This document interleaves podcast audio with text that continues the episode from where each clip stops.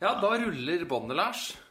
Det er bra. Rull, rull bånd. Og, og i dag er vi samlet. I dag har vi ikke vandret hvileløst rundt og lett etter hvor vi skulle være, for i dag er vi jo faktisk hos Hos meg. Ja. Og det som jeg syns er veldig imponerende, det første jeg måtte kommentere, det er at eh, du Altså, Lars har jo samla turbøker i omtrent 200 år. Hele sin levetid.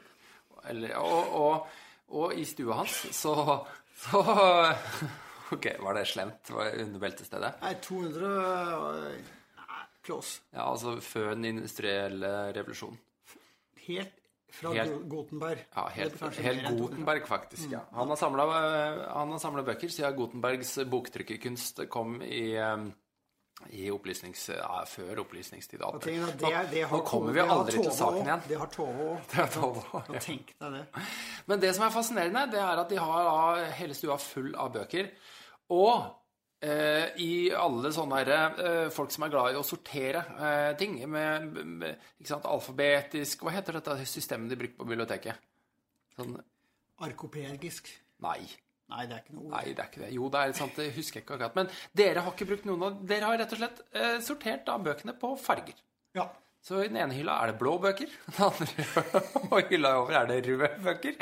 eh, Og der nede er det grønt, og så er det en del hvitt. Jeg synes det er helt fantastisk. ja. Eh, klapp på skuldra til dere to for eh, to fantastisk kreative mennesker. Vi, vi skal ikke tillate oss å spore så enormt eh, mye av i dag, eh, Lars. Vi må bruke tida på det som er viktig. Ja, for Dette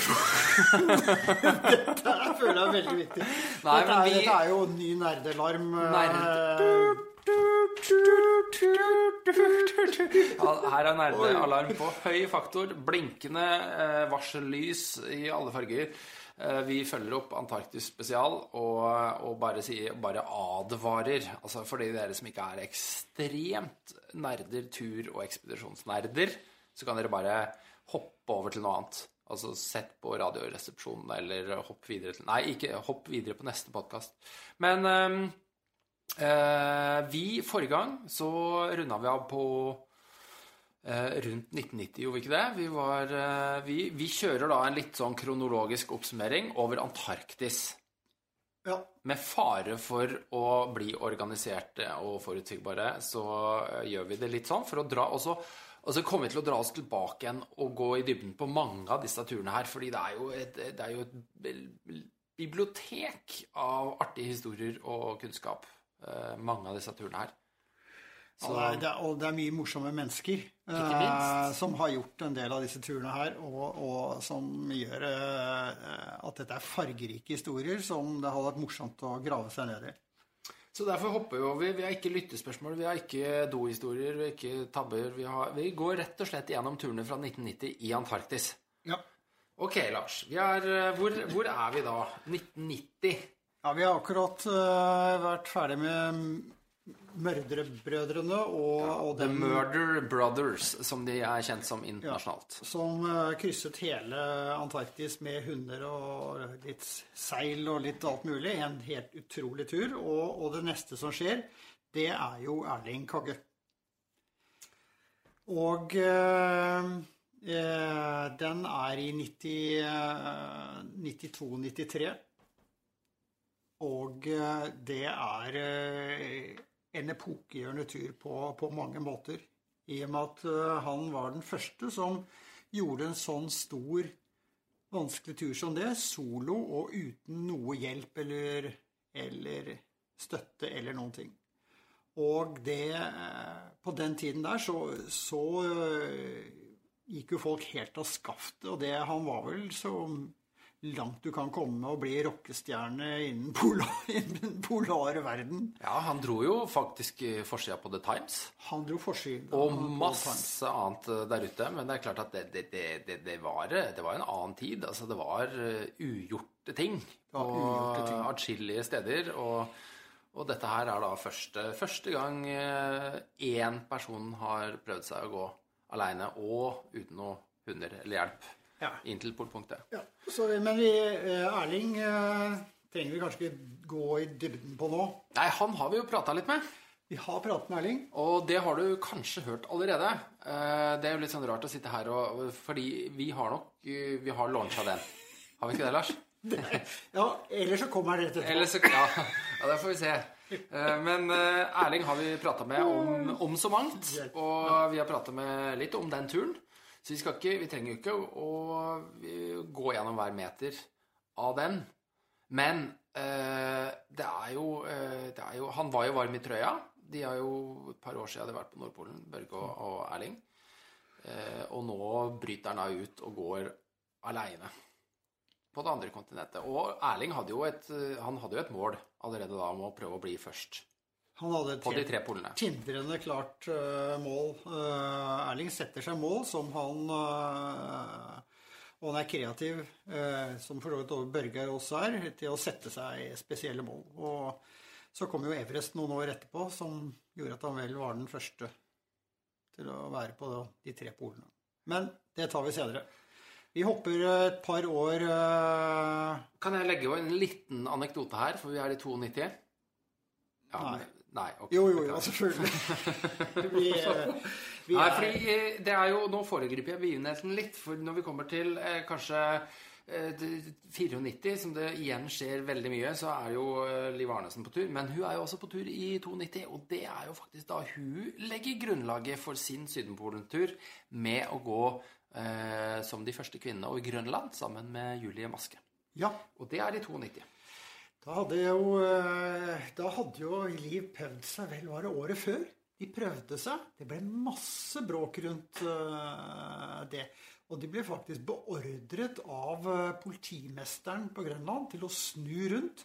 Og gikk tilbake til Isertok og, og ned fra breen på en mislykket tur. Og så var han sammen med Julie hun, hun sammen med Julie eh, Maske gikk over Grønland, de to jentene, året etter. Nå lener Lars seg så langt tilbake, så nå smyger jeg mikrofonen over bordet, så den kommer nærmere han. Men ja, sånn. Bare fortsett, du. Er det bedre nå? Ja.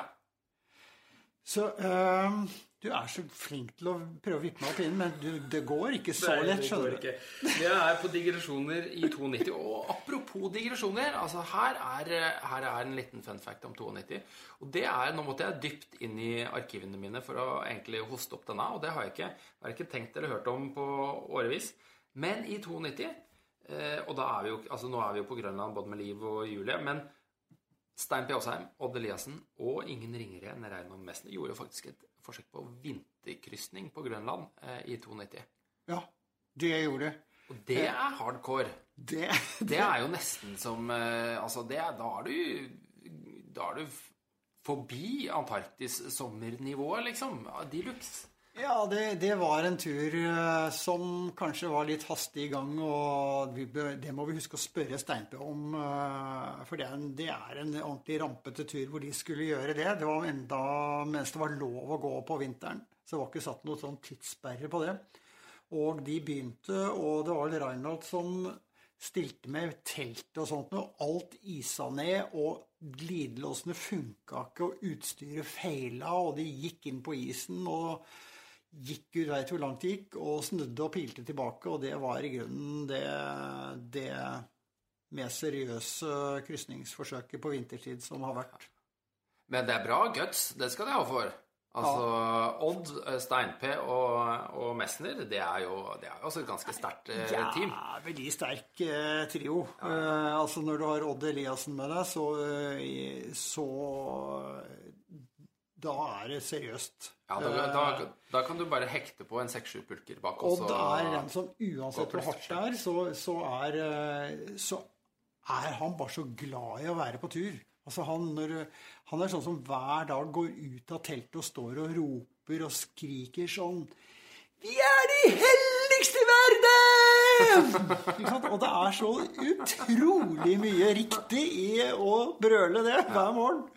Så, Ok, Den vi prater om, er Odd Eliassen, og er kanskje Norges mest eh, bevandrede ekspedisjonsfarer. Eh, Gått på ski omtrent der hvor det finnes eh, ski i dette universet, vil jeg si. Fra liksom krinkelkroker nede i Iran og Persia og India og, og ikke minst da bygd, vært med og bygd hyttene på Kilimanjaro. Eh, var med Stein-P over eh, Grønlandskryssinga 1888. Kopi av Nansen. Var med i tidlig trollveggbestigning. Altså vi, Odd skal vi ta en prat om seinere. Men eh, vi må komme oss vekk fra digresjonene og videre. Dette er jo helt håpløst. Altså, det, er jo ikke, det er jo ikke mulig å ha framdrift i kronologien her når vi bare eh, spinner rundt. Ja, det er så okay. deilig å snakke om Odd, da. Eh, helt enkelt. Jeg tror, jeg tror egentlig Odd har vært stille ute en stund. Jeg tror han sitter i den der Teslaen til Musk på vei ut i verdensrommet. Eh, og bruker den der boken Du vet hvilken bok som ligger i, eh, i dashbordet på den Teslaen? Der ligger 'Hitchhiker's Guide to the Galaxy'. ligger der, og Han sitter og blar i den, og så leter han asteroide med litt snø, så han kan gå på ski på. Det er jeg helt sikker på. Ja, men jeg er helt sikker på at han bare ville vært med på tur hvis han da eh, i sommerhalvåret hvor han kommer tilbake. For så lenge det er ski i Nordmarka, tror jeg han ikke kommer til å forlate Nei, ja, land eller ikke, kommune. ikke i denne galaksen i hvert fall. Ikke Nei. denne galaksen. Men ok, vi skal holde oss da unna eh, både Odd, eh, Himalaya og Grønland for seinere podkaster. Eh, vi- Det blir lett. det blir lett. Og vi hopper Skal vi se, skjedde noe i 93? Nei, Det ikke skjedde sånn litt på i fjellfronten. Ja. Men eh, vi kan ikke bare holde på med digresjoner. Men eh, vi, det som faktisk skjedde, var jo at uh, Ivar Tollefsen var på er ikke det, det var hans første tur i, i Dronning Maud land. Eh, jeg har notert at, han, at de var den uh, besteg Jøkelkirka og litt forskjellige ting. Og flere andre topper. Eh, og det er jo første av flere uh, turer. Du ser litt sånn skeptisk på jo, meg da. da, jeg husker ikke helt hvilket år det var. Nei, jeg har men, skrevet eh, 93-94. 93-94. Det er veldig mulig at det, det var. Og så er Monica Christensen Hun er da på tur med Det er jo denne scooterturen hennes eh, innover, for hun skal stadig vekk finne dette teltet til uh, Nan. ja, det, er da hun skal finne dette teltet. Eh, så da har hun en tur hvor hun da skal både forske og eh, ta med seg isprøver og eh, skal inn til Sydpolen og skal eh, finne teltet til Amundsen og ta det tilbake. Og skal det stilles ut under Lillehammer-OL i februar. Det var planen. Og det er jo et fantastisk viktig bakteppe her når vi drar oss gjennom her, fordi OL og eh, det, er, det er så masse som skjer der, og det påvirka jo deres tur i 94 også. Var ikke OL liksom en litt av sånn Jo, det var eh, Altså, vi hadde jo en deltaker med i paralympisk.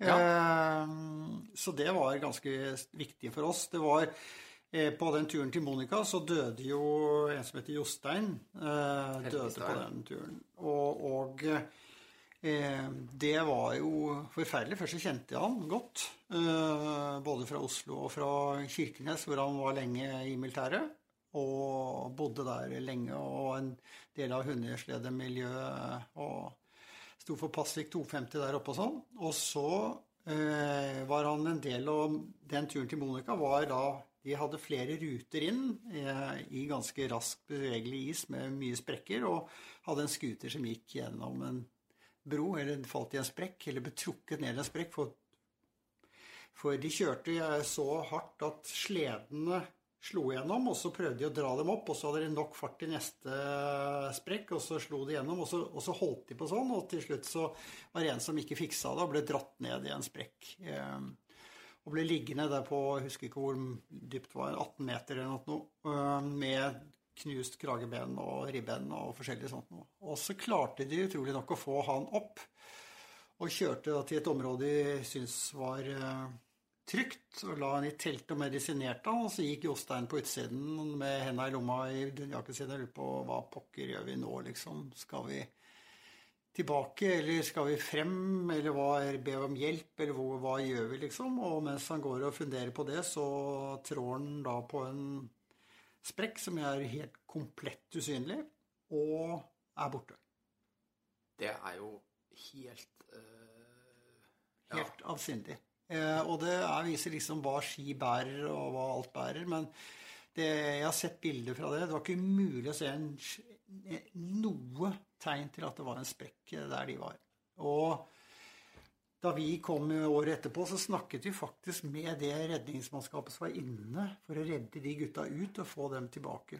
Og dette Nå er vi litt på viddene, men det er jo litt av historien, da. Eh, det som skjedde da, var at eh, da klarte man faktisk få amerikanerne til å gå med på å redde dem ut. Så de sendte en Hercules med ski som fløy over og fant et sted de ville lande. Og når de, så lander de, da lander de, og så setter de skiene ned, og så kjører de et par, en eller to ganger over og ser at det, det, holder, og så lander de sine egne, og så snur de rundt så de står klare i sine egne skispor for å ta av. Og idet de svinger rundt, så åpner en sprekk seg under den ene vingen idet de svinger rundt. Og han forteller, han, han klatreren som var med, at da skreik piloten så de hørte det bak i Herculesen. At til helvetes nordmenn! Uh, I'm out of here. Og fikk han bare løpt. Ja, nå er vi jo trygge. Gi oss noen timer, liksom. Og så dro de bort, og det var bare sprekk på sprekk på sprekk bort til campen der. Og da de kom bort, så, så var den bare 90 cm bred. Og da tok han der filmen vi snakket om, han ble firt ned sideveis sånn, så de firte han ned. Og han eh, fant eh, Jostein nedi der. Han lå ikke på fryktelig mange meter, rundt 10-12 meter eller noe. Der lå han. Og var bare allerede smeltet inn i isen med én hånd opp, sene opp, og den andre hånden ned. Og det var det, altså. Da han kom på tre-fire meters hold, da var det så tett at da, var, da hadde han kilt seg helt fast. Så de siste meterne var det som, som da, i den kilesprekken. For en uh, redningsoperasjon. Altså, Helt er... vanvittig redningsoperasjon. Og da ble scooteren hans stående igjen, og så tok de resten uh, ut og uh, til Sydpolen, og så ble de da evakuert. Dette er det fryktelig mange historier videre om og sånn, men det var, det var, historien rundt, rundt Jostein. Og det ble jo satt i gang ideer fra venner om at de ville lage en ekspedisjon ned og få han ut av isen og gi en begravelse, men da sa kona hans, som var en utrolig flott dame og sterk i dette her, så han sa bare at det, det skulle ikke skje. Jostein skulle ha sin grav i Antarktis. Han hadde vært der flere ganger før og elsket det landet og, og det kontinentet, og der skulle han ligge. Og det ble the end of that. Det er eh, Og skal man trekke noe gode tips og lærdom ut av det, så er det jo eh, altså eh, Det er å beholde ski på beina når du er i sprekkeområder, sprekkområder, altså. Det er, det er så vanvittig mye bedre bærekraft i å spre vekta på helt, to ski enn hvor stor risiko det er å gå, gå uten. Altså. Det er, eh, men en tragisk historie. Helt uvirkelig mye. Så det, det er viktig, eh, viktig å dra med seg. Men det så skjedde det masse etterpå. Det kan vi kanskje ta en annen gang. Alt rundt den ekspedisjonen med evakueringen og alt som skjedde der. Teltet ble ikke tatt opp. Teltet ligger jo ikke på Sydpolen for de som tror det lenger. At det er ikke så lett å finne. fordi det man vel regnet med, var at det lå ca. halvannen kilometer ut fra sydpolpunktet. Og det lå ca. mellom 20 og 30 meter ned i isen. Det er det det har akkumulert. Og, 20 og 30 meter, ja. ja. Så de skulle ha aggregater og, og, og eh, eh, bruke store eh, motorsager til å skjære seg ned gjennom isen til, til, teltet og finne det nedi der. Ja, men Hadde de liksom, altså, hadde de en måte å, å, lokalisere teltet på, eller skulle de bare begynne å skjære halvannen kilometer eh, øst eller nord for det, Sydpolen? Eh, nei, det er liksom Her må det være, og så begynner du med en motorsag 30 meter ned i isen? Nei, det, de, de hadde en veldig god peiling. Jeg snakket med Jostein før han dro, og han var temmelig sikker. Han visste Han mente han hadde en veldig god peiling på hvor det teltet lå. Eh, så de ville begynne å lete i et rimelig lite område. Og de, jeg tror de hadde med seg radarer for å finne ja, det enda tydeligere. Noe eh, peiling ja. ja.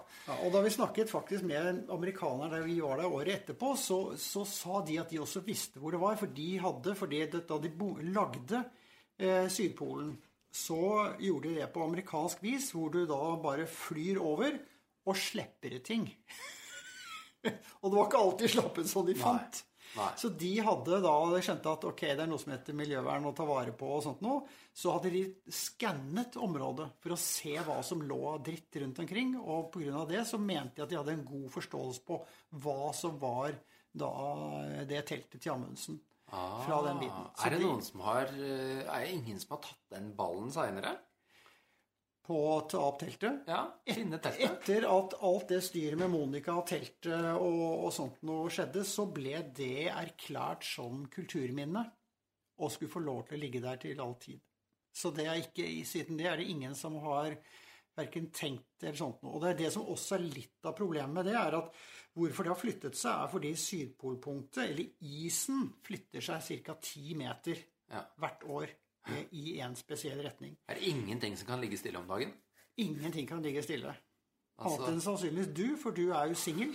Eh, Hallo, dette skal være en seriøs seriøs Ja, det er familiepodkast. Ja. Eh, eh, Nei, men du, det er ganske men det er, ja, Nei, vi skal ikke dra den lenger, men altså at det er et kulturminne som ligger 30 meter under isen Jeg tenker jo det hadde jo vært kulere med det teltet på en uh, utstillingsplass på Norsk Skimuseum eller et eller annet sånt, ja da. Uh, ikke minst så kunne det vært en litt artig, dårlig unnskyldning for å dra, Dra dit til ja, altså, det Problemet er at det ligger i clean air sector. Og derfor ikke jeg lov til å gå inn i, hvert fall. det var jo amerikanerne, eller alle forskerne, de amerikanske forskerne syntes jo ikke det var en kjempegod idé at det skulle komme en norsk jente og holde på i tre-fire uker med motorsag og aggregat i Clean Active-serien hvor de driver og forsker på luft. Nei. Så, så jeg tror nok amerikanerne var ganske fornøyd med at det ikke ble noe av. Og på samme tid så ble det jo også en veldig mye sånn konspirasjoner rundt at CIA spente ben på dem og spionerte på dem og prøvde å stoppe dem. det. Er masse snask rundt det greiene der. Så eh, for å stoppe det og greier. Så det var, det var mye moro rundt, eh, rundt den biten der. Men teltet ble liggende. OL gikk uten. Vi klarte oss veldig bra uten, eh, uten telt. I hvert fall der. Det var mange som lå i telt, men Amundsens telt det var det ingen som bodde i. Apropos eh, nedgravde ting i Antarktis, Uh, har jeg fortalt den? Ja, At du har en ostepop Nei, nei, nei, nei, ja, ikke den. Sorry, det var ikke den jeg tenkte til. Men eh, vi er på nerdespesial. Det er egentlig ikke tid til digresjoner. Men en lynrask en, da. Ja. Eh, sist gang vi var i Antarktis, eh, så var vi i Dronning Madeland. Og uh, før vi hadde reist, så hadde jeg da eh, Jeg er jo eh, veldig eh, glad i eh, ost på tur. Og gjerne, ikke sant Altså verdens beste ost, Kraftkar. Eh, lages jo langt fra oppe i dalene eh, på Vestlandet et eller annet sted. Og jeg hadde jo sendt de en mail, altså den er jo svindyr, den osten, så jeg hadde sendt de da en mail om liksom sånn der, en typisk sånn derre Du, vet du hva, altså eh, Nå skal du høre, skal ha en liten tur til Antarktis eh, med noen folk, og så skal være borte ganske lenge. Hadde vært veldig eh, Ikke for å mase eller for å være liksom Men det, om, om det hadde kommet en liten kraftkar i denne veien, retningen, så hadde det vært kjempekult. Og vi kan sikkert ta noen bilder av den og, og lage noen greier. Eh, Så litt sånn eh, tiggermail, rett og slett, på sånn null forventningsnivå. Og så ender det jo opp at de syns jo dette her var litt kult, så de sender da med en sånn hel en. En sånn tre kilos kraftkar. En hel ost! Ikke et sånt lite kakestykke. En jævla rund bowlingkule! Ikke sant? Og jeg bare Fy fader, det her er rått! Og det er bare den osten er så sykt god! Og jeg gleda meg. Jeg klarte jo nesten ikke å holde fingra unna den. Men um, for å gjøre en kort historie veldig lang Vi dro ned til Antarktis. uh, camp inne i Fenriskjeften. Uh, På dagtid er det jo såpass varmt at du må grave ned maten uh, i snøen da, for å på en måte holde den kjølig, spesielt kjøtt og ting og tang. Så den osten den gravde da ned utafor et av telta, og så var, vi litt dårlige på den der kartlegginga, altså hvor lå hva. Vi hadde vært litt slurvete på det der. Og så kommer en storm, og telt må legges ned og flyttes litt osv. Og så ender det da opp med at plutselig så våkner jeg en dag hvor F ble det av den osten. Den er jo gravd ned, men jeg har flytta teltet. Hæ? Og jeg er desperat står som en sånn muldvarp rundt teltet mitt og graver og graver. Og de andre Jeg husker ikke akkurat hva de tenkte eller sa, men altså, jeg drev og graver. Og jeg kjenner den der kloa setter seg i nakken. Kraftkaren min, hvor er den? Hvor er den? Ikke sant? Og tror du jeg finner den? Nei. Nei. Jeg finner den ikke. Så eh, for de som er litt eventyrlystne og veldig osteglade, så kan de få lov til å eh, få koordinatene. Det ligger sånn et eller annet sted midt i Fenriskjeften. Det, er ikke dette noe eh, Kraftverk bør ha sånn, sånn konkurranse? Du Jo. kan få en gratis ost. så Vi gir deg koordinatene. Den som vinner, får koordinater til en ost. Og så kan vi se. Men tenk deg, den kan jo bli en sånn vellagd ost som ligger der i eh, 650 000 år. Nei, da er nok sikkert alt smelta ned, og denne osten blir da med i en eller annen sånn smeltevann. Så er det ut i et eller annet hav. Det blir som en flaskepost. ja, det, Tenk synker. deg de der pingvinene som kommer Ja. over den der osten. da. Fermentert, Fermentert ost. kraftkar. Kraftkar. Det kommer til å utvikle en helt ny pingvintype. Sånn som den der, Så dere aprilspøken til eh, BBC for en del år siden med de flyvende pingvinene? Nei. Ah, Det var helt fantastisk. Liksom, med den der stemmen til han der Hva heter han der eh, eh, Som har den fantastisk vakre stemmen, lager alle disse naturprogrammene. Attenborough? Attenborough. Ja, sir David At, eh, Attenborough. Yes, on our travel here we have found, on top of everything, we found these special penguins who have, in total secrecy, developed a skill no one could think of. Ikke? Og så tar disse pingvinene av og flyr rundt omkring. Helt utrolig vakkert gjort. ikke? Og, det var på, og folk gikk jo helt av skaft. Det var bare helt Men det til å bli starten på sånne flyvende pingviner. Du, ja, og, For det, for med det navnet òg, det blir jo det blir litt Kraftkar, sånn ja. De får gror vinger. Altså, det kommer jo til å gjøre de peanøttene til superlangbein til, til ingenting. vet. Veldig god invitasjon av eh, herr Attenborough, må jeg si. Eh, Fantastisk. Men du, Lars, eh, vet du hva? Oh, oi, oi, oi, oi. Digresjon. Sorry. Både til deg og folk. Men artige historier. eh. Hvor langt hadde vi kommet? Vi, vi, vi er til ikke- turen deres. Vi er ikke kommet til livet ennå. Oi, oi, oi. Ja, det var i hvert fall Monica. var Monica. Eh, og, og eh, den turen der. Og det er klart at det det skapte, var jo eh, Det gjorde jo ikke så veldig mye lettere å skaffe sponsorer for, for en tur året etter. Ulykker er som kjent eh, det verste som eh, Ja, det der, det der var en profilert det der med all reklame er god reklame, det, det stemte veldig dårlig der. Og, og Liv hadde jo tenkt å gå fra Berkner Island, sånn som eh, Erling og Sjur. Og vi gjorde det. Eh, men hun klarte ikke å skaffe nok penger, så hun endte opp med å gå fra Hercules Inlet Ja. på det året der. Eh, og ble første kvinne til å gå fra kontinentkanten og inn eh, til Sydpolen, 1140 km, eh, alene og uten, uten noe hjelp utenfra. Fantastisk. Og det er, det er Altså, vi prater rett etter Erling, og det er bein i nesa på den dama der. Det er jo ikke tvil om. Men det, det som slår meg, det er jo Altså, vi er Her er jo eh, Dere starta fra Berkner. Ja, ikke sant? Altså, her er vi jo midt inne i dagens sånn her eh, Antarktis-debatt-diskusjon-greie. eh, uten at vi skal ta opp den eh, som en ny digresjon. Men Nei, altså jeg hører det. ja, men det må være Vi påpeker, tror jeg. eh, Vi Ok, skal, ja, ja. Ikke sant? Fordi her er jo Her er realitetene. se stjerne ja. nederst. Ja, uff, det er ikke klå deg på balla. Eh, jo, altså Du gjorde det i stad, men da tenkte jeg ikke skulle komme Nei, nei da var ikke balla på knærne. Men eh, jo, hvor var det jeg skulle Jo, vi er midt oppi det her. Børge starter fra Berkner. Det er liksom the real thing. Dere starter fra Berkner. Ingen kan eh, krangle på at ikke det er fra kystkanten av det ekte Antarktis. Men Liv kommer og starter fra Hercules. Og Hercules er da der hvor de definerer eh, slutten på kontinentet, men da på begynnelsen på havisen. Så havisen strekker seg jo da langt utover i havet. Ja, Nå har du allerede trampet i det, vet du. Ja. Ja, Jo, men bare for å gi folk en liten er referanse. Hvis, hvis du kaller det havis, så har jo hun starta gjort det riktig. Ja, okay, så, Men hvis du kaller det Her- landis, landis, så er det litt, litt er mer, mer trøbbel, trøbbel, Ja, liksom. ikke sant. Og vi, vi snakker kan- liksom ikke sånn eh, Ja, men hun kunne jo kommet med en isbryter, liksom. Ja, bortsett fra den isen er 400 meter tjukk. Ja, da skal det være en, en russisk atomdrevet uh, Kursk som kommer og dunker i an. Men, men det som er jo det reelle problemet her, det er jo penger. Og det er jo det du starta med. Det var jo du som dro det i gang.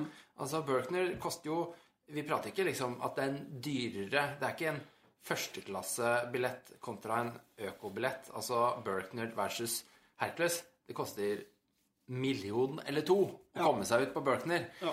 Og, og det var der Det er vel da grunnen til at Liv starta fra Hercules uh, den gangen. Ja, det var det. Den klarte ikke å skaffe nok penger til, eh, til det, og, eh, og startet da fra Hercules. Uh, Vi, vi klarte å skaffe nok penger, eh, men det var blytungt. Hvem er det som betalte? For oss. Ja. Vi hadde flere, flere sponsorer inne faktisk i, i dette her. Så var mange hovedsponsorer var PGS, Ja. som var, var vik, veldig viktig. Hvor de var i en, i en fase med hvor de slo sammen selskaper og kjøpte opp selskaper. Og da brukte denne som en sånn intern bit på på motorsånn. Jeg holdt jo en drøss av foredrag før vi dro, eh, og lagde T-skjorter, og de kjøpte ting og gjorde ting, og var veldig morsom sponsor. Det, ja. Men det var ikke en, det var ikke en bakdel å ha eh, en eh, Hvor mange gullmedaljer dro eh, denne Pedersen. Pedersen i Albert Albertville-OL? Var det vel da kanskje fra 92? Dette var før Nei, det var etter Lillehammer-OL. Ja, ja. ja, ja. For Lillehammer var i 94, og vi startet jo høsten 94. Så det, han kunne ikke komme i gang før han var ferdig med paralympisk. Og eh, det ble vel faktisk at den turen vår ble jo lansert i starten av paralympisk eller på Lillehammer, etter hva jeg husker. Så det var jo og det er klart at med en ulykke og sånt noe, og så ta av med en fyr med eh, viss funksjonshemming, var jo liksom en lang greie, men, men det gikk, eh, gikk bra. Og vi hadde en utrolig gjeng med sponsorer med oss som, som satset på dette her. Og hadde Egentlig så var det jo også eh, Heiberg eh, som var en ganske viktig bit eh, i, i dette for å, for å få til hele tankegangen rundt det. Aksel Heiberg. Eh, broren til Aksel Heiberg eh, Nei, OL Heiberg. OL Heiberg. Ja, Gerhard Heiberg. Gerhard Heiberg Ja. selv. Han hadde en veldig fin, fin tanke rundt det. At han ville at eh, paralympisk og idrett skulle være en målsetning for å få folk med en funksjonshemming til å sette seg et mål og få den oppturen idrett og dette her. Og så skulle turen til Cato vise at du kunne ta et skritt videre ut eh, fra det igjen. Eh, og han mente jo at Paralympisk skulle være med og, og sponsre deler av vår tur, men det var de overhodet ikke interessert i i det hele tatt. Nei. det var eh, Jeg tror de som satt på toppen der, hadde en bonusgreie. De så bare at det var en veldig dårlig måte å bruke bonusen sin på og, sponse oss. Så jeg, det var helt sjanseløst. Så, så det ble ikke noe. Men eh, det her var jo en Det er jo en artig trio. Altså å Til våre 24 lyttere så er det da altså Det er da eh, deg, Lars Ebbesen. Det er eh, Odd Harald Hauge. Eh, Og Cato Zahl Pedersen som er på tur. Og det som er Jeg har tenkt på mye som er sabla sprekt med dette. Fordi det er Det er året etter den første Altså året etter Erling. Mm. Det stemmer, det. Ja, ikke sant? Altså Året etter noen gjorde noe for først, aller, aller første gang, så drar dere ut og tar med en mann uten armer. Altså, det er, det er ganske Én ting er om det hadde vært i dag, altså, fordi det er liksom så tidens eh, tann og det som strekker seg av prestasjoner, og når noen løper eh, under den engelske mila under fire minutter, ikke sant, så kommer resten etterpå. Men dette er omtrent i samme øyeblikket som det ble gjort for første gang. Og så kommer en mann uten armer. Og dere. Ja, det, det, det var jo voldsomt øh, vanskelig å få folk med seg på at dette var sjanseløst i det hele tatt. Og eh, legene i Paralympus klarte jo, jeg tror det var de, som klarte å gå ut i fellesskap og si at det var fysiologisk umulig for Cato å gå til Sydpolen. Ikke sant? For vi fikk sånne i trynet hele tiden. Eh, men vi jobbet utrolig seriøst. Cato er jo er Tenkte Cato det? pet, ikke et øyeblikk. Nei. For Han- han, han den skallen hans er Han klarer ikke å tenke sånne tanker. Nei. Eh, og Odd Harald klarer i hvert fall ikke tenke sånne tanker, så var det bare meg igjen, da. Og jeg var i mindretall. Men jeg skulle jo plukke, sette den der turen eh, sammen, da. Eh, og vi jobbet ekstremt godt. Vi, var, eh, vi hadde eh, greier inn i Forsvaret for å få tak i litium-ion-batterier som da ikke fantes på den tiden, så vi kunne ha mulighet til å varme opp protesen til Cato hvis det var mulig. Vi, Vi var inne på alle mulige. Vi lagde en ny protese av, eh, av karbon. Og det var liksom utrolig hva som ble gjort på alle greier. Og vi testet Cato ut på, eh, på det som var mulig. Han hadde jo null turerfaring. Og sånn sett så var det jo var jo eh, som debutant i Ridderne, bare et litt langt ridderrenn. Eh, Ja, det kan, det kan du trygt og jeg tror jeg trente mellom 180 og 200 timer sammen med Cato. Og jeg tror jeg skravlet til 189 av de timene bare for å fortelle om hva tur var, liksom. Ja. Eh, og han For han var i steike god form, selvfølgelig. Han, Han eh, jeg husker jo altså. leste boka hvor han, han liksom bare låra hans eh, fleksa av gårde, og han dro på og la seg i et eh, godt tempo, gjorde han ikke det? Altså, var, Ja, det tempoet der var vi veldig bra holdt. Fant en veldig god rytme som vi alle, alle passet oss. Men da vi skulle opp du fikk. Ja. eller Frost Spur, som var den, er- den bredarmen vi gikk opp uh, og sånt noe Og vi måtte trekke halve pulken av gangen og gikk så, så blodet spruta. Okay, til, til Eh, våre lyttere, altså fra Berkner-ruta inn til Sydpolen, så har du et uh, bratt fjellparti sånn etter en måneds tid omtrent. Sånn Ja, ja. ja, på vei opp mot ja, i sånn tre uker omtrent. Tre uker omtrent. 20 dager. Og der er det bratt. Der er det stegjern og isete. Det er stegjern, og det er bratt eh, sprekker og, og alt, og veldig mye fallvinder og sånt noe. Eh, Odd Harald gikk jo med dunjakke opp der mens han trakk så eh, med 200 i puls, liksom. Så det, det var eh, ganske spesielt. Men da vi skulle da bruke låra til å gå opp der, så så vi han der fyren uten armer bare Pjong, så var han borte. Ikke sant? Ja, ikke sant. Det var helt forferdelig. Da kom han litt mer i, til sitt, eh, til sitt Ja, det var vel han, han burde bare gått opp og ned der. Den, den, denne turen skal nok også bli et evig tilbakevendende tema. Men det er, jeg må huske altså, det, er, det er en artig historie der hvor, eh, som gikk på mat. Altså, eh, jeg mener å huske at det var, det var, no, det var noen som ikke var helt eh, friske i, i starten av turen. Og det var litt mye, var det mye fett i maten. Eh, Eh, vi skal gå såpass i detalj eh, nå. Ja, bare ja. en liten dig digresjon på den turen, og så må vi Ja, nei, det var mange morsomme små digresjoner uh, der. Har vi ikke vært borti dette før? Har vi det? Nei? Jo, vi har, nei, jeg vet ikke. Jo, vi hadde det. Ja. Hadde vi det? Jeg husker ikke. Men i hvert fall, vi hadde kjøpt uh, basert oss på noe irsk smør som gikk i, i middagen. Og det var Jeg vet ikke hva det var galt med det, men det var, smakte i hvert fall ikke veldig bra. Og vi gikk, begynte nok litt høyt i kaloriene, så vi, vi fikk i eh, Var det, Ja, sorry. var det bjellen din som? Nei da, det er ikke bjellene mine. Det var bare en liten ting. Ja. Beklager så mye. Bare fortsett, Lars. Ja, jeg ville bare merke meg at det er du som lager lyder denne gangen. Så i og med at jeg har litt å ta igjen på det greiene der, så Ja, kunne jeg ikke la det gå fra. Det er Jeg bra. håper det slo ut på båndet. Neppe. Så nei, vi gjorde nok ikke det. Men eh, da vi hadde tatt i det, så følte vi oss ikke veldig gode. Og allerede første, første natten så, eh, så måtte Cato ut i, i forteltet og spy, så han spøy. Og andre natten så tenkte vi at dette vant vi oss sikkert til. Vi spiste, tvang oss til å spise opp. Og utpå natten så da var det grisekaldt, og da tar du den der soveposen din hvor du strammer den både rundt halsen og rundt nebbet, liksom. Og så er det bare sånn lite Ja, ja, hull i så det. Det sånn- kjenner du til. Så, Ja. ja. Så ligger der. Og, Det er typisk da man blir litt kald på nesa. ja, ikke sant? Så det prøver du å skyve nesa litt opp, og så ja. Men eh, nedi der lå i hvert fall Pedersen, og da han fant ut at alt plutselig begynte å Hele innsiden av Pedersen begynte å skulle ut gjennom munnen. Og han ligger der da uten armer. eh, Og alle disse tankene er strammet helt inn. Han lå og sprelte så jævlig, og vi bare Hæ? Og han bare Han lå og trodde han hadde fått eh, spasmer, ikke sant? Og så bare åpner han seg. Da bare sikta han på å spy ut av det lille hullet i soveposen. Og rett i taket på Helsport-teltet vårt. Og så spredte dette seg utover sånn der sånn gulrotregn over hele teltet, altså. Og det der er jo helt legendarisk. Og det oi, oi. For en Og det er, det er ganske tidlig på turen, eh, hvis jeg ikke husker helt feil. Det var eh, Tenk- dag eh, Det var natt to.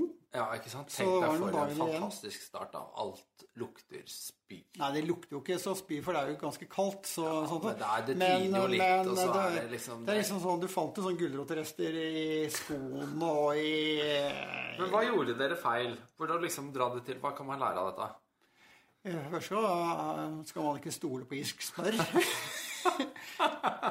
Nei, vi, vi, vi begynte kaloriinntaket for høyt i forhold til den innsatsen vi gjorde i starten. For mye fett. Ja, for mye fett og begynte for tøft. Og i dag så vil du begynne mye lavere både på kalori og måten du spiser, og så vil du spise deg inn i, i fettgreier. For kroppen tar, klarer uansett ikke å plukke opp så mye som vi hadde i starten. eh, Og da blir du heller bare uvel. ikke Da sant? blir du dårlig av det, og du, det er ingen, ingen vits altså, i det hele tatt. Og det å skifte mat på sånne turer, det er ikke noe som gjøres over natta. Det er liksom ting, Kroppen trenger tid til å tilvenne. Altså, spesielt da for å ta opp mer fett, som er klassikeren på turer. Mm. Ja. Men nok om eh, Vi må hoppe videre.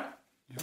vi har jo kommet helt til 94. Vi har jo kommet nesten et par år av Ja, veien. Liv kom jo frem et par dager før oss eh, til eh, Sydpolen, og så kom vi frem 27.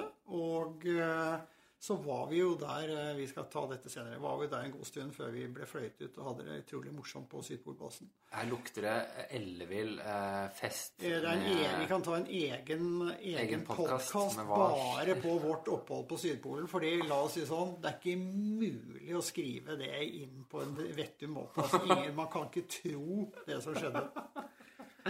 Ja, veldig bra. I 94 så må vi også nevne at uh, med digresjoner Men altså, er jo, 94 er jo året Børge går aleine til Nordpolen.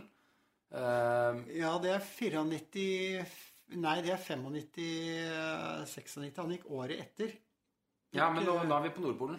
Ja, Nordpolen, ja. Ja, det stemmer. Han, eh, Ja, mens. Erling da året før gikk til alene til Sydpolen, så tenkte Børge da er «Nei, shit au, da går jeg alene til Nordpolen. Ja, fy søren. også. Ikke sant? Så det var jo også en eh, vanvittig first, eh, som da ikke hører med i Antarktis-verdenen vår. Vi skal jo selvfølgelig lage Arktis eh, spesial seinere. Og så er det faktisk i, i, eh, i 94 så er også Ivar nede og, og herjer, og da er han jo i nordvestveggen på Ulvetanna.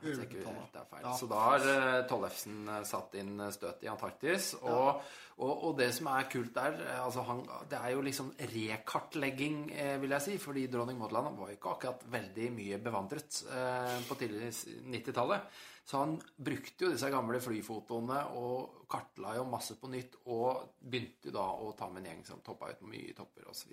Ja, og gikk turer, ikke minst. Og gikk turer, lange de, turer, svære de hadde turer. jo med Eliassen og Jo og Hvem var det sistemann som var i det derre teamet der? Og, og gikk jo fantastiske turer og la masse kilometer på kryss og tvers der eh, bak seg. Så det var en veldig tilstedeværelse i, i de turene der. Og så er jo selvfølgelig altså Gangdal-brødrene osv. i Antarktis Nei, Himalaya. Men eh, det kan vi ikke Vi, kan, vi, vi, må hoppe videre til 95. Vi skal jo innom alt dette her Ja, senere. Da- Legger du merke til nå, Lars, hvordan jeg begynner å få en litt mer sånn eh, pisk på struktur her? Jeg tror det kommer seg etter Ja, du begynner å ligne på et Excel-ark, og det er ganske spesielt med så Jeg vet ikke om jeg er skal ta det litt- som er kompliment, litt- eller Nei, ikke ta det som en kompliment. Nei. Det var ikke ment som det på noen måte. Jeg skal ta meg Eh, er vi i ferd med å bli litt kjedelige nå, Ja, kanskje litt forutsigbare. fordi etter 94 så veit jo de fleste at det er 95. Men jeg tror ikke det er så mange som på strak arm klarer å øh, si liksom hva Plukke opp igjen. Så jeg tror at vi, vi, vi drar av gårde. 95, da skjer jo ting. Og Ja, da, da går Børge ut og skal krysse Antarktis, prøve det. Eh, får frostskader og, og gir seg etter Sydpolen. Eh, da er faktisk også noe vi kan snakke om senere en gang. Da, da er amerikaneren så rasende på at han skal fortsette å gå der i hele tatt, at eh, basesjefen på, i Antarktis ønsker han død omtrent. Altså. Det må vi spørre Børge om, for det er jo veldig heftig, det greiene ja, der. når Og det er- Børge skjønner at han må kaste inn håndkleet Nei, ikke og- da, men, men for da Allé plukket han opp. Men eh, de ville ikke ha turister der, ikke sant. Det, da vi kom dit i 94, så sto det sånn på døren eh, Skiturister skal inn og gis en kopp kaffe og vises ut igjen. Ikke sant? Det var det allerede der. For eh, Vi fikk ikke lov til det, så at vi hadde det oppholdet vårt der, det er jo helt komplett unikt, eh, kan du si. Men Børge prøvde og, og sånt noe. Veldig Det ble vel kanskje skifta litt rutiner da, etter at dere var der. Det lukter jo det at det her var noen som eh, skjønte at det her, det her går ikke an å ha tre eller fire riv ruskende gale nordmenn herjende rundt i våre Ikke sant? Og etter Nei, det så er det ingen jeg må virkelig få lov til å si at eh, vi var altså så eksemplarisk ålreite å ha på besøk at Ja, de trodde ja, ja. ikke at noen ville klare å nå opp til det nivået senere. Ok. Ja, nei, ok, vi legger den død. Ok, ja, nei, men det var bra parert, vil jeg si. Eh, Men eh, Børge og frostskadene, ikke sant? Det her var eh, det her, Jeg har jo sett bilder av frostskadene. Altså, dette er jo Det lukter jo den klassiske lårfrostskaden hvor du går Ja, polar, mye polar lårhøne. Polar lår... Ja, Men på innsiden. På På innsida Ja. går i mye vind. Ja. Får uh, forfrysninger i fettvev på låra, hvor du både gutter og jenter har mer fett enn på andre steder av kroppen. Har lite sirkulasjon, lite varmebygging på innsiden i det hele tatt. Lite muskulatur, eh, egentlig veldig dårlig beskyttet på innsiden. Ja. Og eh, hvor det fort kan gå gærent. Og Børge innså det. Det var, eh, det var egentlig veldig sterkt å kaste inn håndkleet og skjønne at her eh, kunne man komme til å strekke strikken for langt. Altså, det, det er liksom lære seg det der gode gamle med 'husk å snu i tide', liksom. Den, den, det er ikke lett, for det står så mye på spill. Eh, og vi så jo senere folk som ikke har klart å kaste inn håndkleet tidsnok og sånn, så, så er dette egentlig noe man burde merke seg, eh, den der der. Men han er jo ikke den som ligger nede lenge. Han heiv seg på året etter igjen. Ja, og da er vi over i 96-97-sesongen. Ja, Og um, det er eh, Da har han jo lært eh, mye. Altså, da har, man, da har han jo fått drilla. Eh, han veit jo, kjenner jo ruta. Masse masse i. Han er han da nede kun liksom for å fullføre? Da er han nede for å fullføre. Altså, det, den Det jeg var veldig spent på liksom, om han ville Men det var ufattelig hvor sulten han var på å gjøre det greiene ordentlig. Altså, det var et, jeg vil påstå Jeg følte det var et helt annet fokusert menneske som drone. da. Da, da skulle han bare ha den, den biten der. Og uh, han gjorde enkelte justeringer. Han gikk ikke opp uh, uh, samme rute opp på Dufek. Han gikk, gikk Vursek, som er en bred litt til venstre, og la ruta litt om. Eh, han eh, var mer parat på å bruke vind der det var mulig og sånt. Man visste jo liksom ikke på den tiden Dette var jo liksom the impossible greie. Å komme ikke først, ja, men å få til den biten. Eh, og man visste liksom ikke at det var mulig å liksom gå så langt og få til det, det på den tiden der. Og han gjorde det en ufattelig tur. Men det som er også litt sånn krydder, da, er at en god norgesvenn, Marek Kaminski Ja, fordi Fra dette Polen? Ja, det stemmer. For, for dette var egentlig et lite rotterace. Det var et rotterace. Det var eh, et race, eh, det også. eh, Med Marek, som jo er en god venn av både Børge og norsk polarverden. Han skulle krysse samtidig, samtidig med Børge. Og han fikk De ble satt av på hver sin side av, eh, av Børkner. Eh, Børge på østsiden og Marek på vestsiden.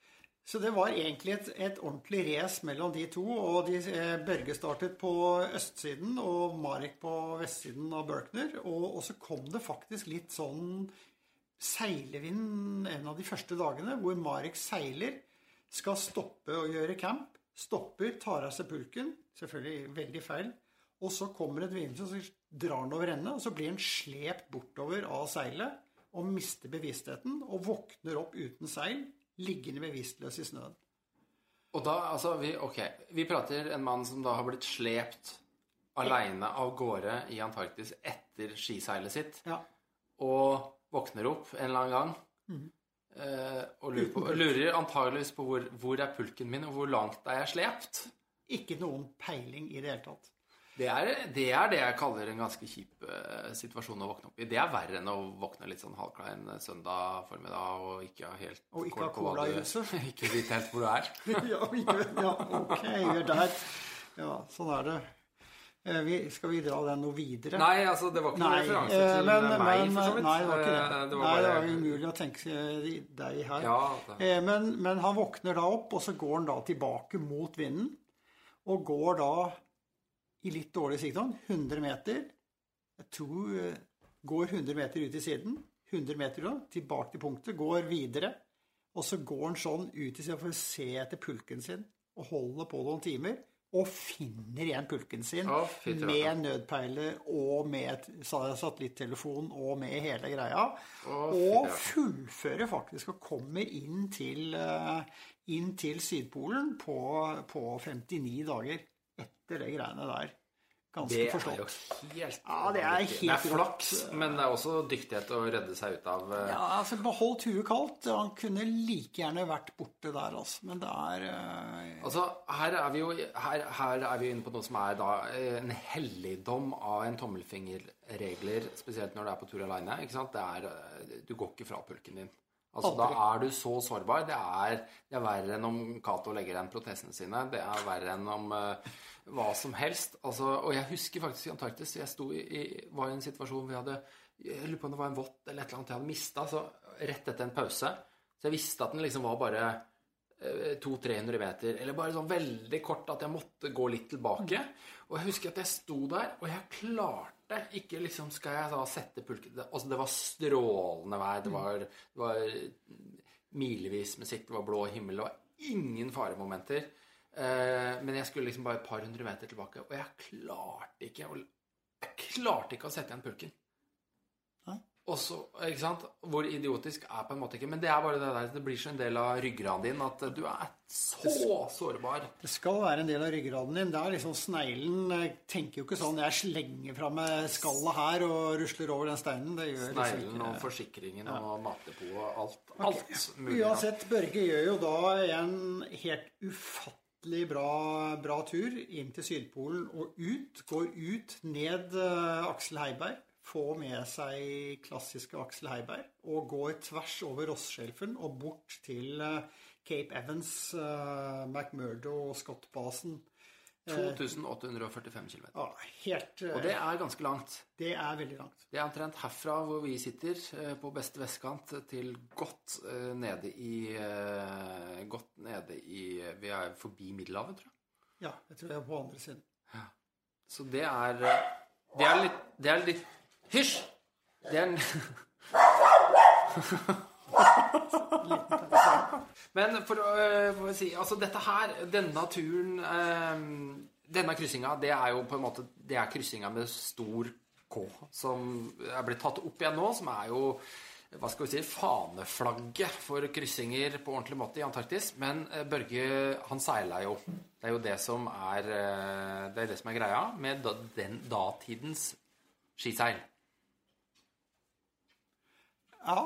ok, skal jeg Sa jeg noe feil nå? Nei da, det var datiden, så han kjøpte jo ikke de dag for å ha med Det var ikke sånn tilbake til fremtiden eh, Nei, det var ikke sånn skateboard sånn som fra Det var, eh, det var eh, Men det var fremdeles Beringer-seil, og skiseil var jo hadde vart noen år da. For det er en god stund siden Sjur og Simen og rundkalott-seil, så det var skjedd eh, litt positive ting der. Det, det var det. Ja, det er ikke en kite. Det var ikke det. så Det var kite skiseil. var ikke av- det var ikke kite, det er skiseil, og som du da må bruke på en helt annen måte, og ikke kan bruke så fleksibelt. Så du, hvis det ikke er god vind, så, så funker ikke. Da må du gå. Og det var det Børge gjorde. Han, det, det er vel eh, en av de best gjennomførte eh, turene i Antarktis eh, noensinne. Rett og slett, altså. Det er jo, ikke sant, Tenk deg da på noen få år. Nå har, nå har Børge eh, gått eh, til Nordpolen. Han har gått til Nordpolen aleine. Han har gått til Sydpolen, og han har kryssa da Antarktis. Han er jo inne i sin eh, absolutt storhetstid. Ikke det at han ikke er det nå også, men steike ta. Det, jeg, jeg tenker det var godt å få nagla den etter at du hadde kasta inn håndkleet året før. Ja, eh, det, her er han Nå er han blitt konge, for så vidt. Ja, polare turer. Det er helt, eh, helt klart, altså. Det var ikke bare Børge som herja i Antarktis dette året, for igjen så er Ivar Og dette er vel Ivar sin tredje tur på 90-tallet til dronning Maud hvis jeg ikke husker feil. Og nå er det Rondespiret som står for tur. Jævla forblåst og ganske heftig tur. Jeg har boka hjemme. Det er ikke så lenge siden jeg leste den heller. Spektakulær ekspedisjon i bare Eh, ja, i så hardcore forblåste forhold. Altså, og én ting er å gå på ski eh, når det blåser. En annen ting er steike storveggsprosjekter. Ja, var ikke det, det den i skyggepartiet og sånn også? Jeg husker ikke helt. Ja, men nei, det er uh, Rondespiret. Det er for så vidt det er ganske langt. Det er en helt egen del. Det er ikke Fenriskjeften og der hvor de har vært tidligere med Ulvetanna mm. og, og og de fjella, men det er, det er, et langt stykke unna. Enda mer isolert. Eh, og ja, helt, helt vanvittig. Så fantastisk mye spennende som eh, skjer på få år. Ja, og, og, her var jo altså Jeg syns kanskje Ivar ikke nevnes nok i Antarktis-sammenheng, fordi han gjorde ufattelig banebrytende arbeid, han òg, altså, i, i, dette her. Og de turene var spektakulære, og det var høyt nivå på klatringen og fellene, fjellene. Og, og her, ja, utrolig. Helt utrolig. Han, uh, han reiser jo ned seinere også, men vi er Jeg tror vi skal trekke dette her opp. Skal vi se, Hvor mange år klarte vi? Vi klarte oss fra 91 til 97, Lars. Uh, det er ikke lett. Stakkars publikum. Men uh, vi kan ikke hoppe over alt vi kommer på heller. Og jeg syns vi har dekka det uh, For dette her er jo storhetstida. Dette her er liksom Pax Romana for Antarktis. Sjøl om, om, det høres ut som en krig her hjemme hos Lars. Så Sønn og men da er det vel på tide å wrappe opp uh, del to. Antarktis nerde spesial. Det som jeg kanskje gleder meg til neste gang uh, Ja, det er ikke Antarktis, da, men uh, i 98 så veit jeg at da var du på tur, Lars. Det, da var du på Nord Nordpol-trakter. ja. ja. Har det noe med Antarktis å gjøre? Nei, men jeg syns det er litt artig når du er ute og svømmer litt. Så oh, ja, blir det ja. artige historier av det. Men det, det er ikke så mange rekorder jeg har, men jeg tror jeg har det raskeste polare badet i, i, uh, polbassenget av noen. Nei. Vi lar Vi sparer godisene. Jeg tror kanskje Fines slo meg etter hvert, men det kan vi se på. Oi, oi, oi, her lukter det, det, det Jeg vet ikke om vi skal ta det i Arktis eller rekordspesial, eh, men kanskje begge deler. Inntil da ønsker vi alle en eh, god dag og eh, god bedring. Særlig god bedring. Og da setter vi camp her.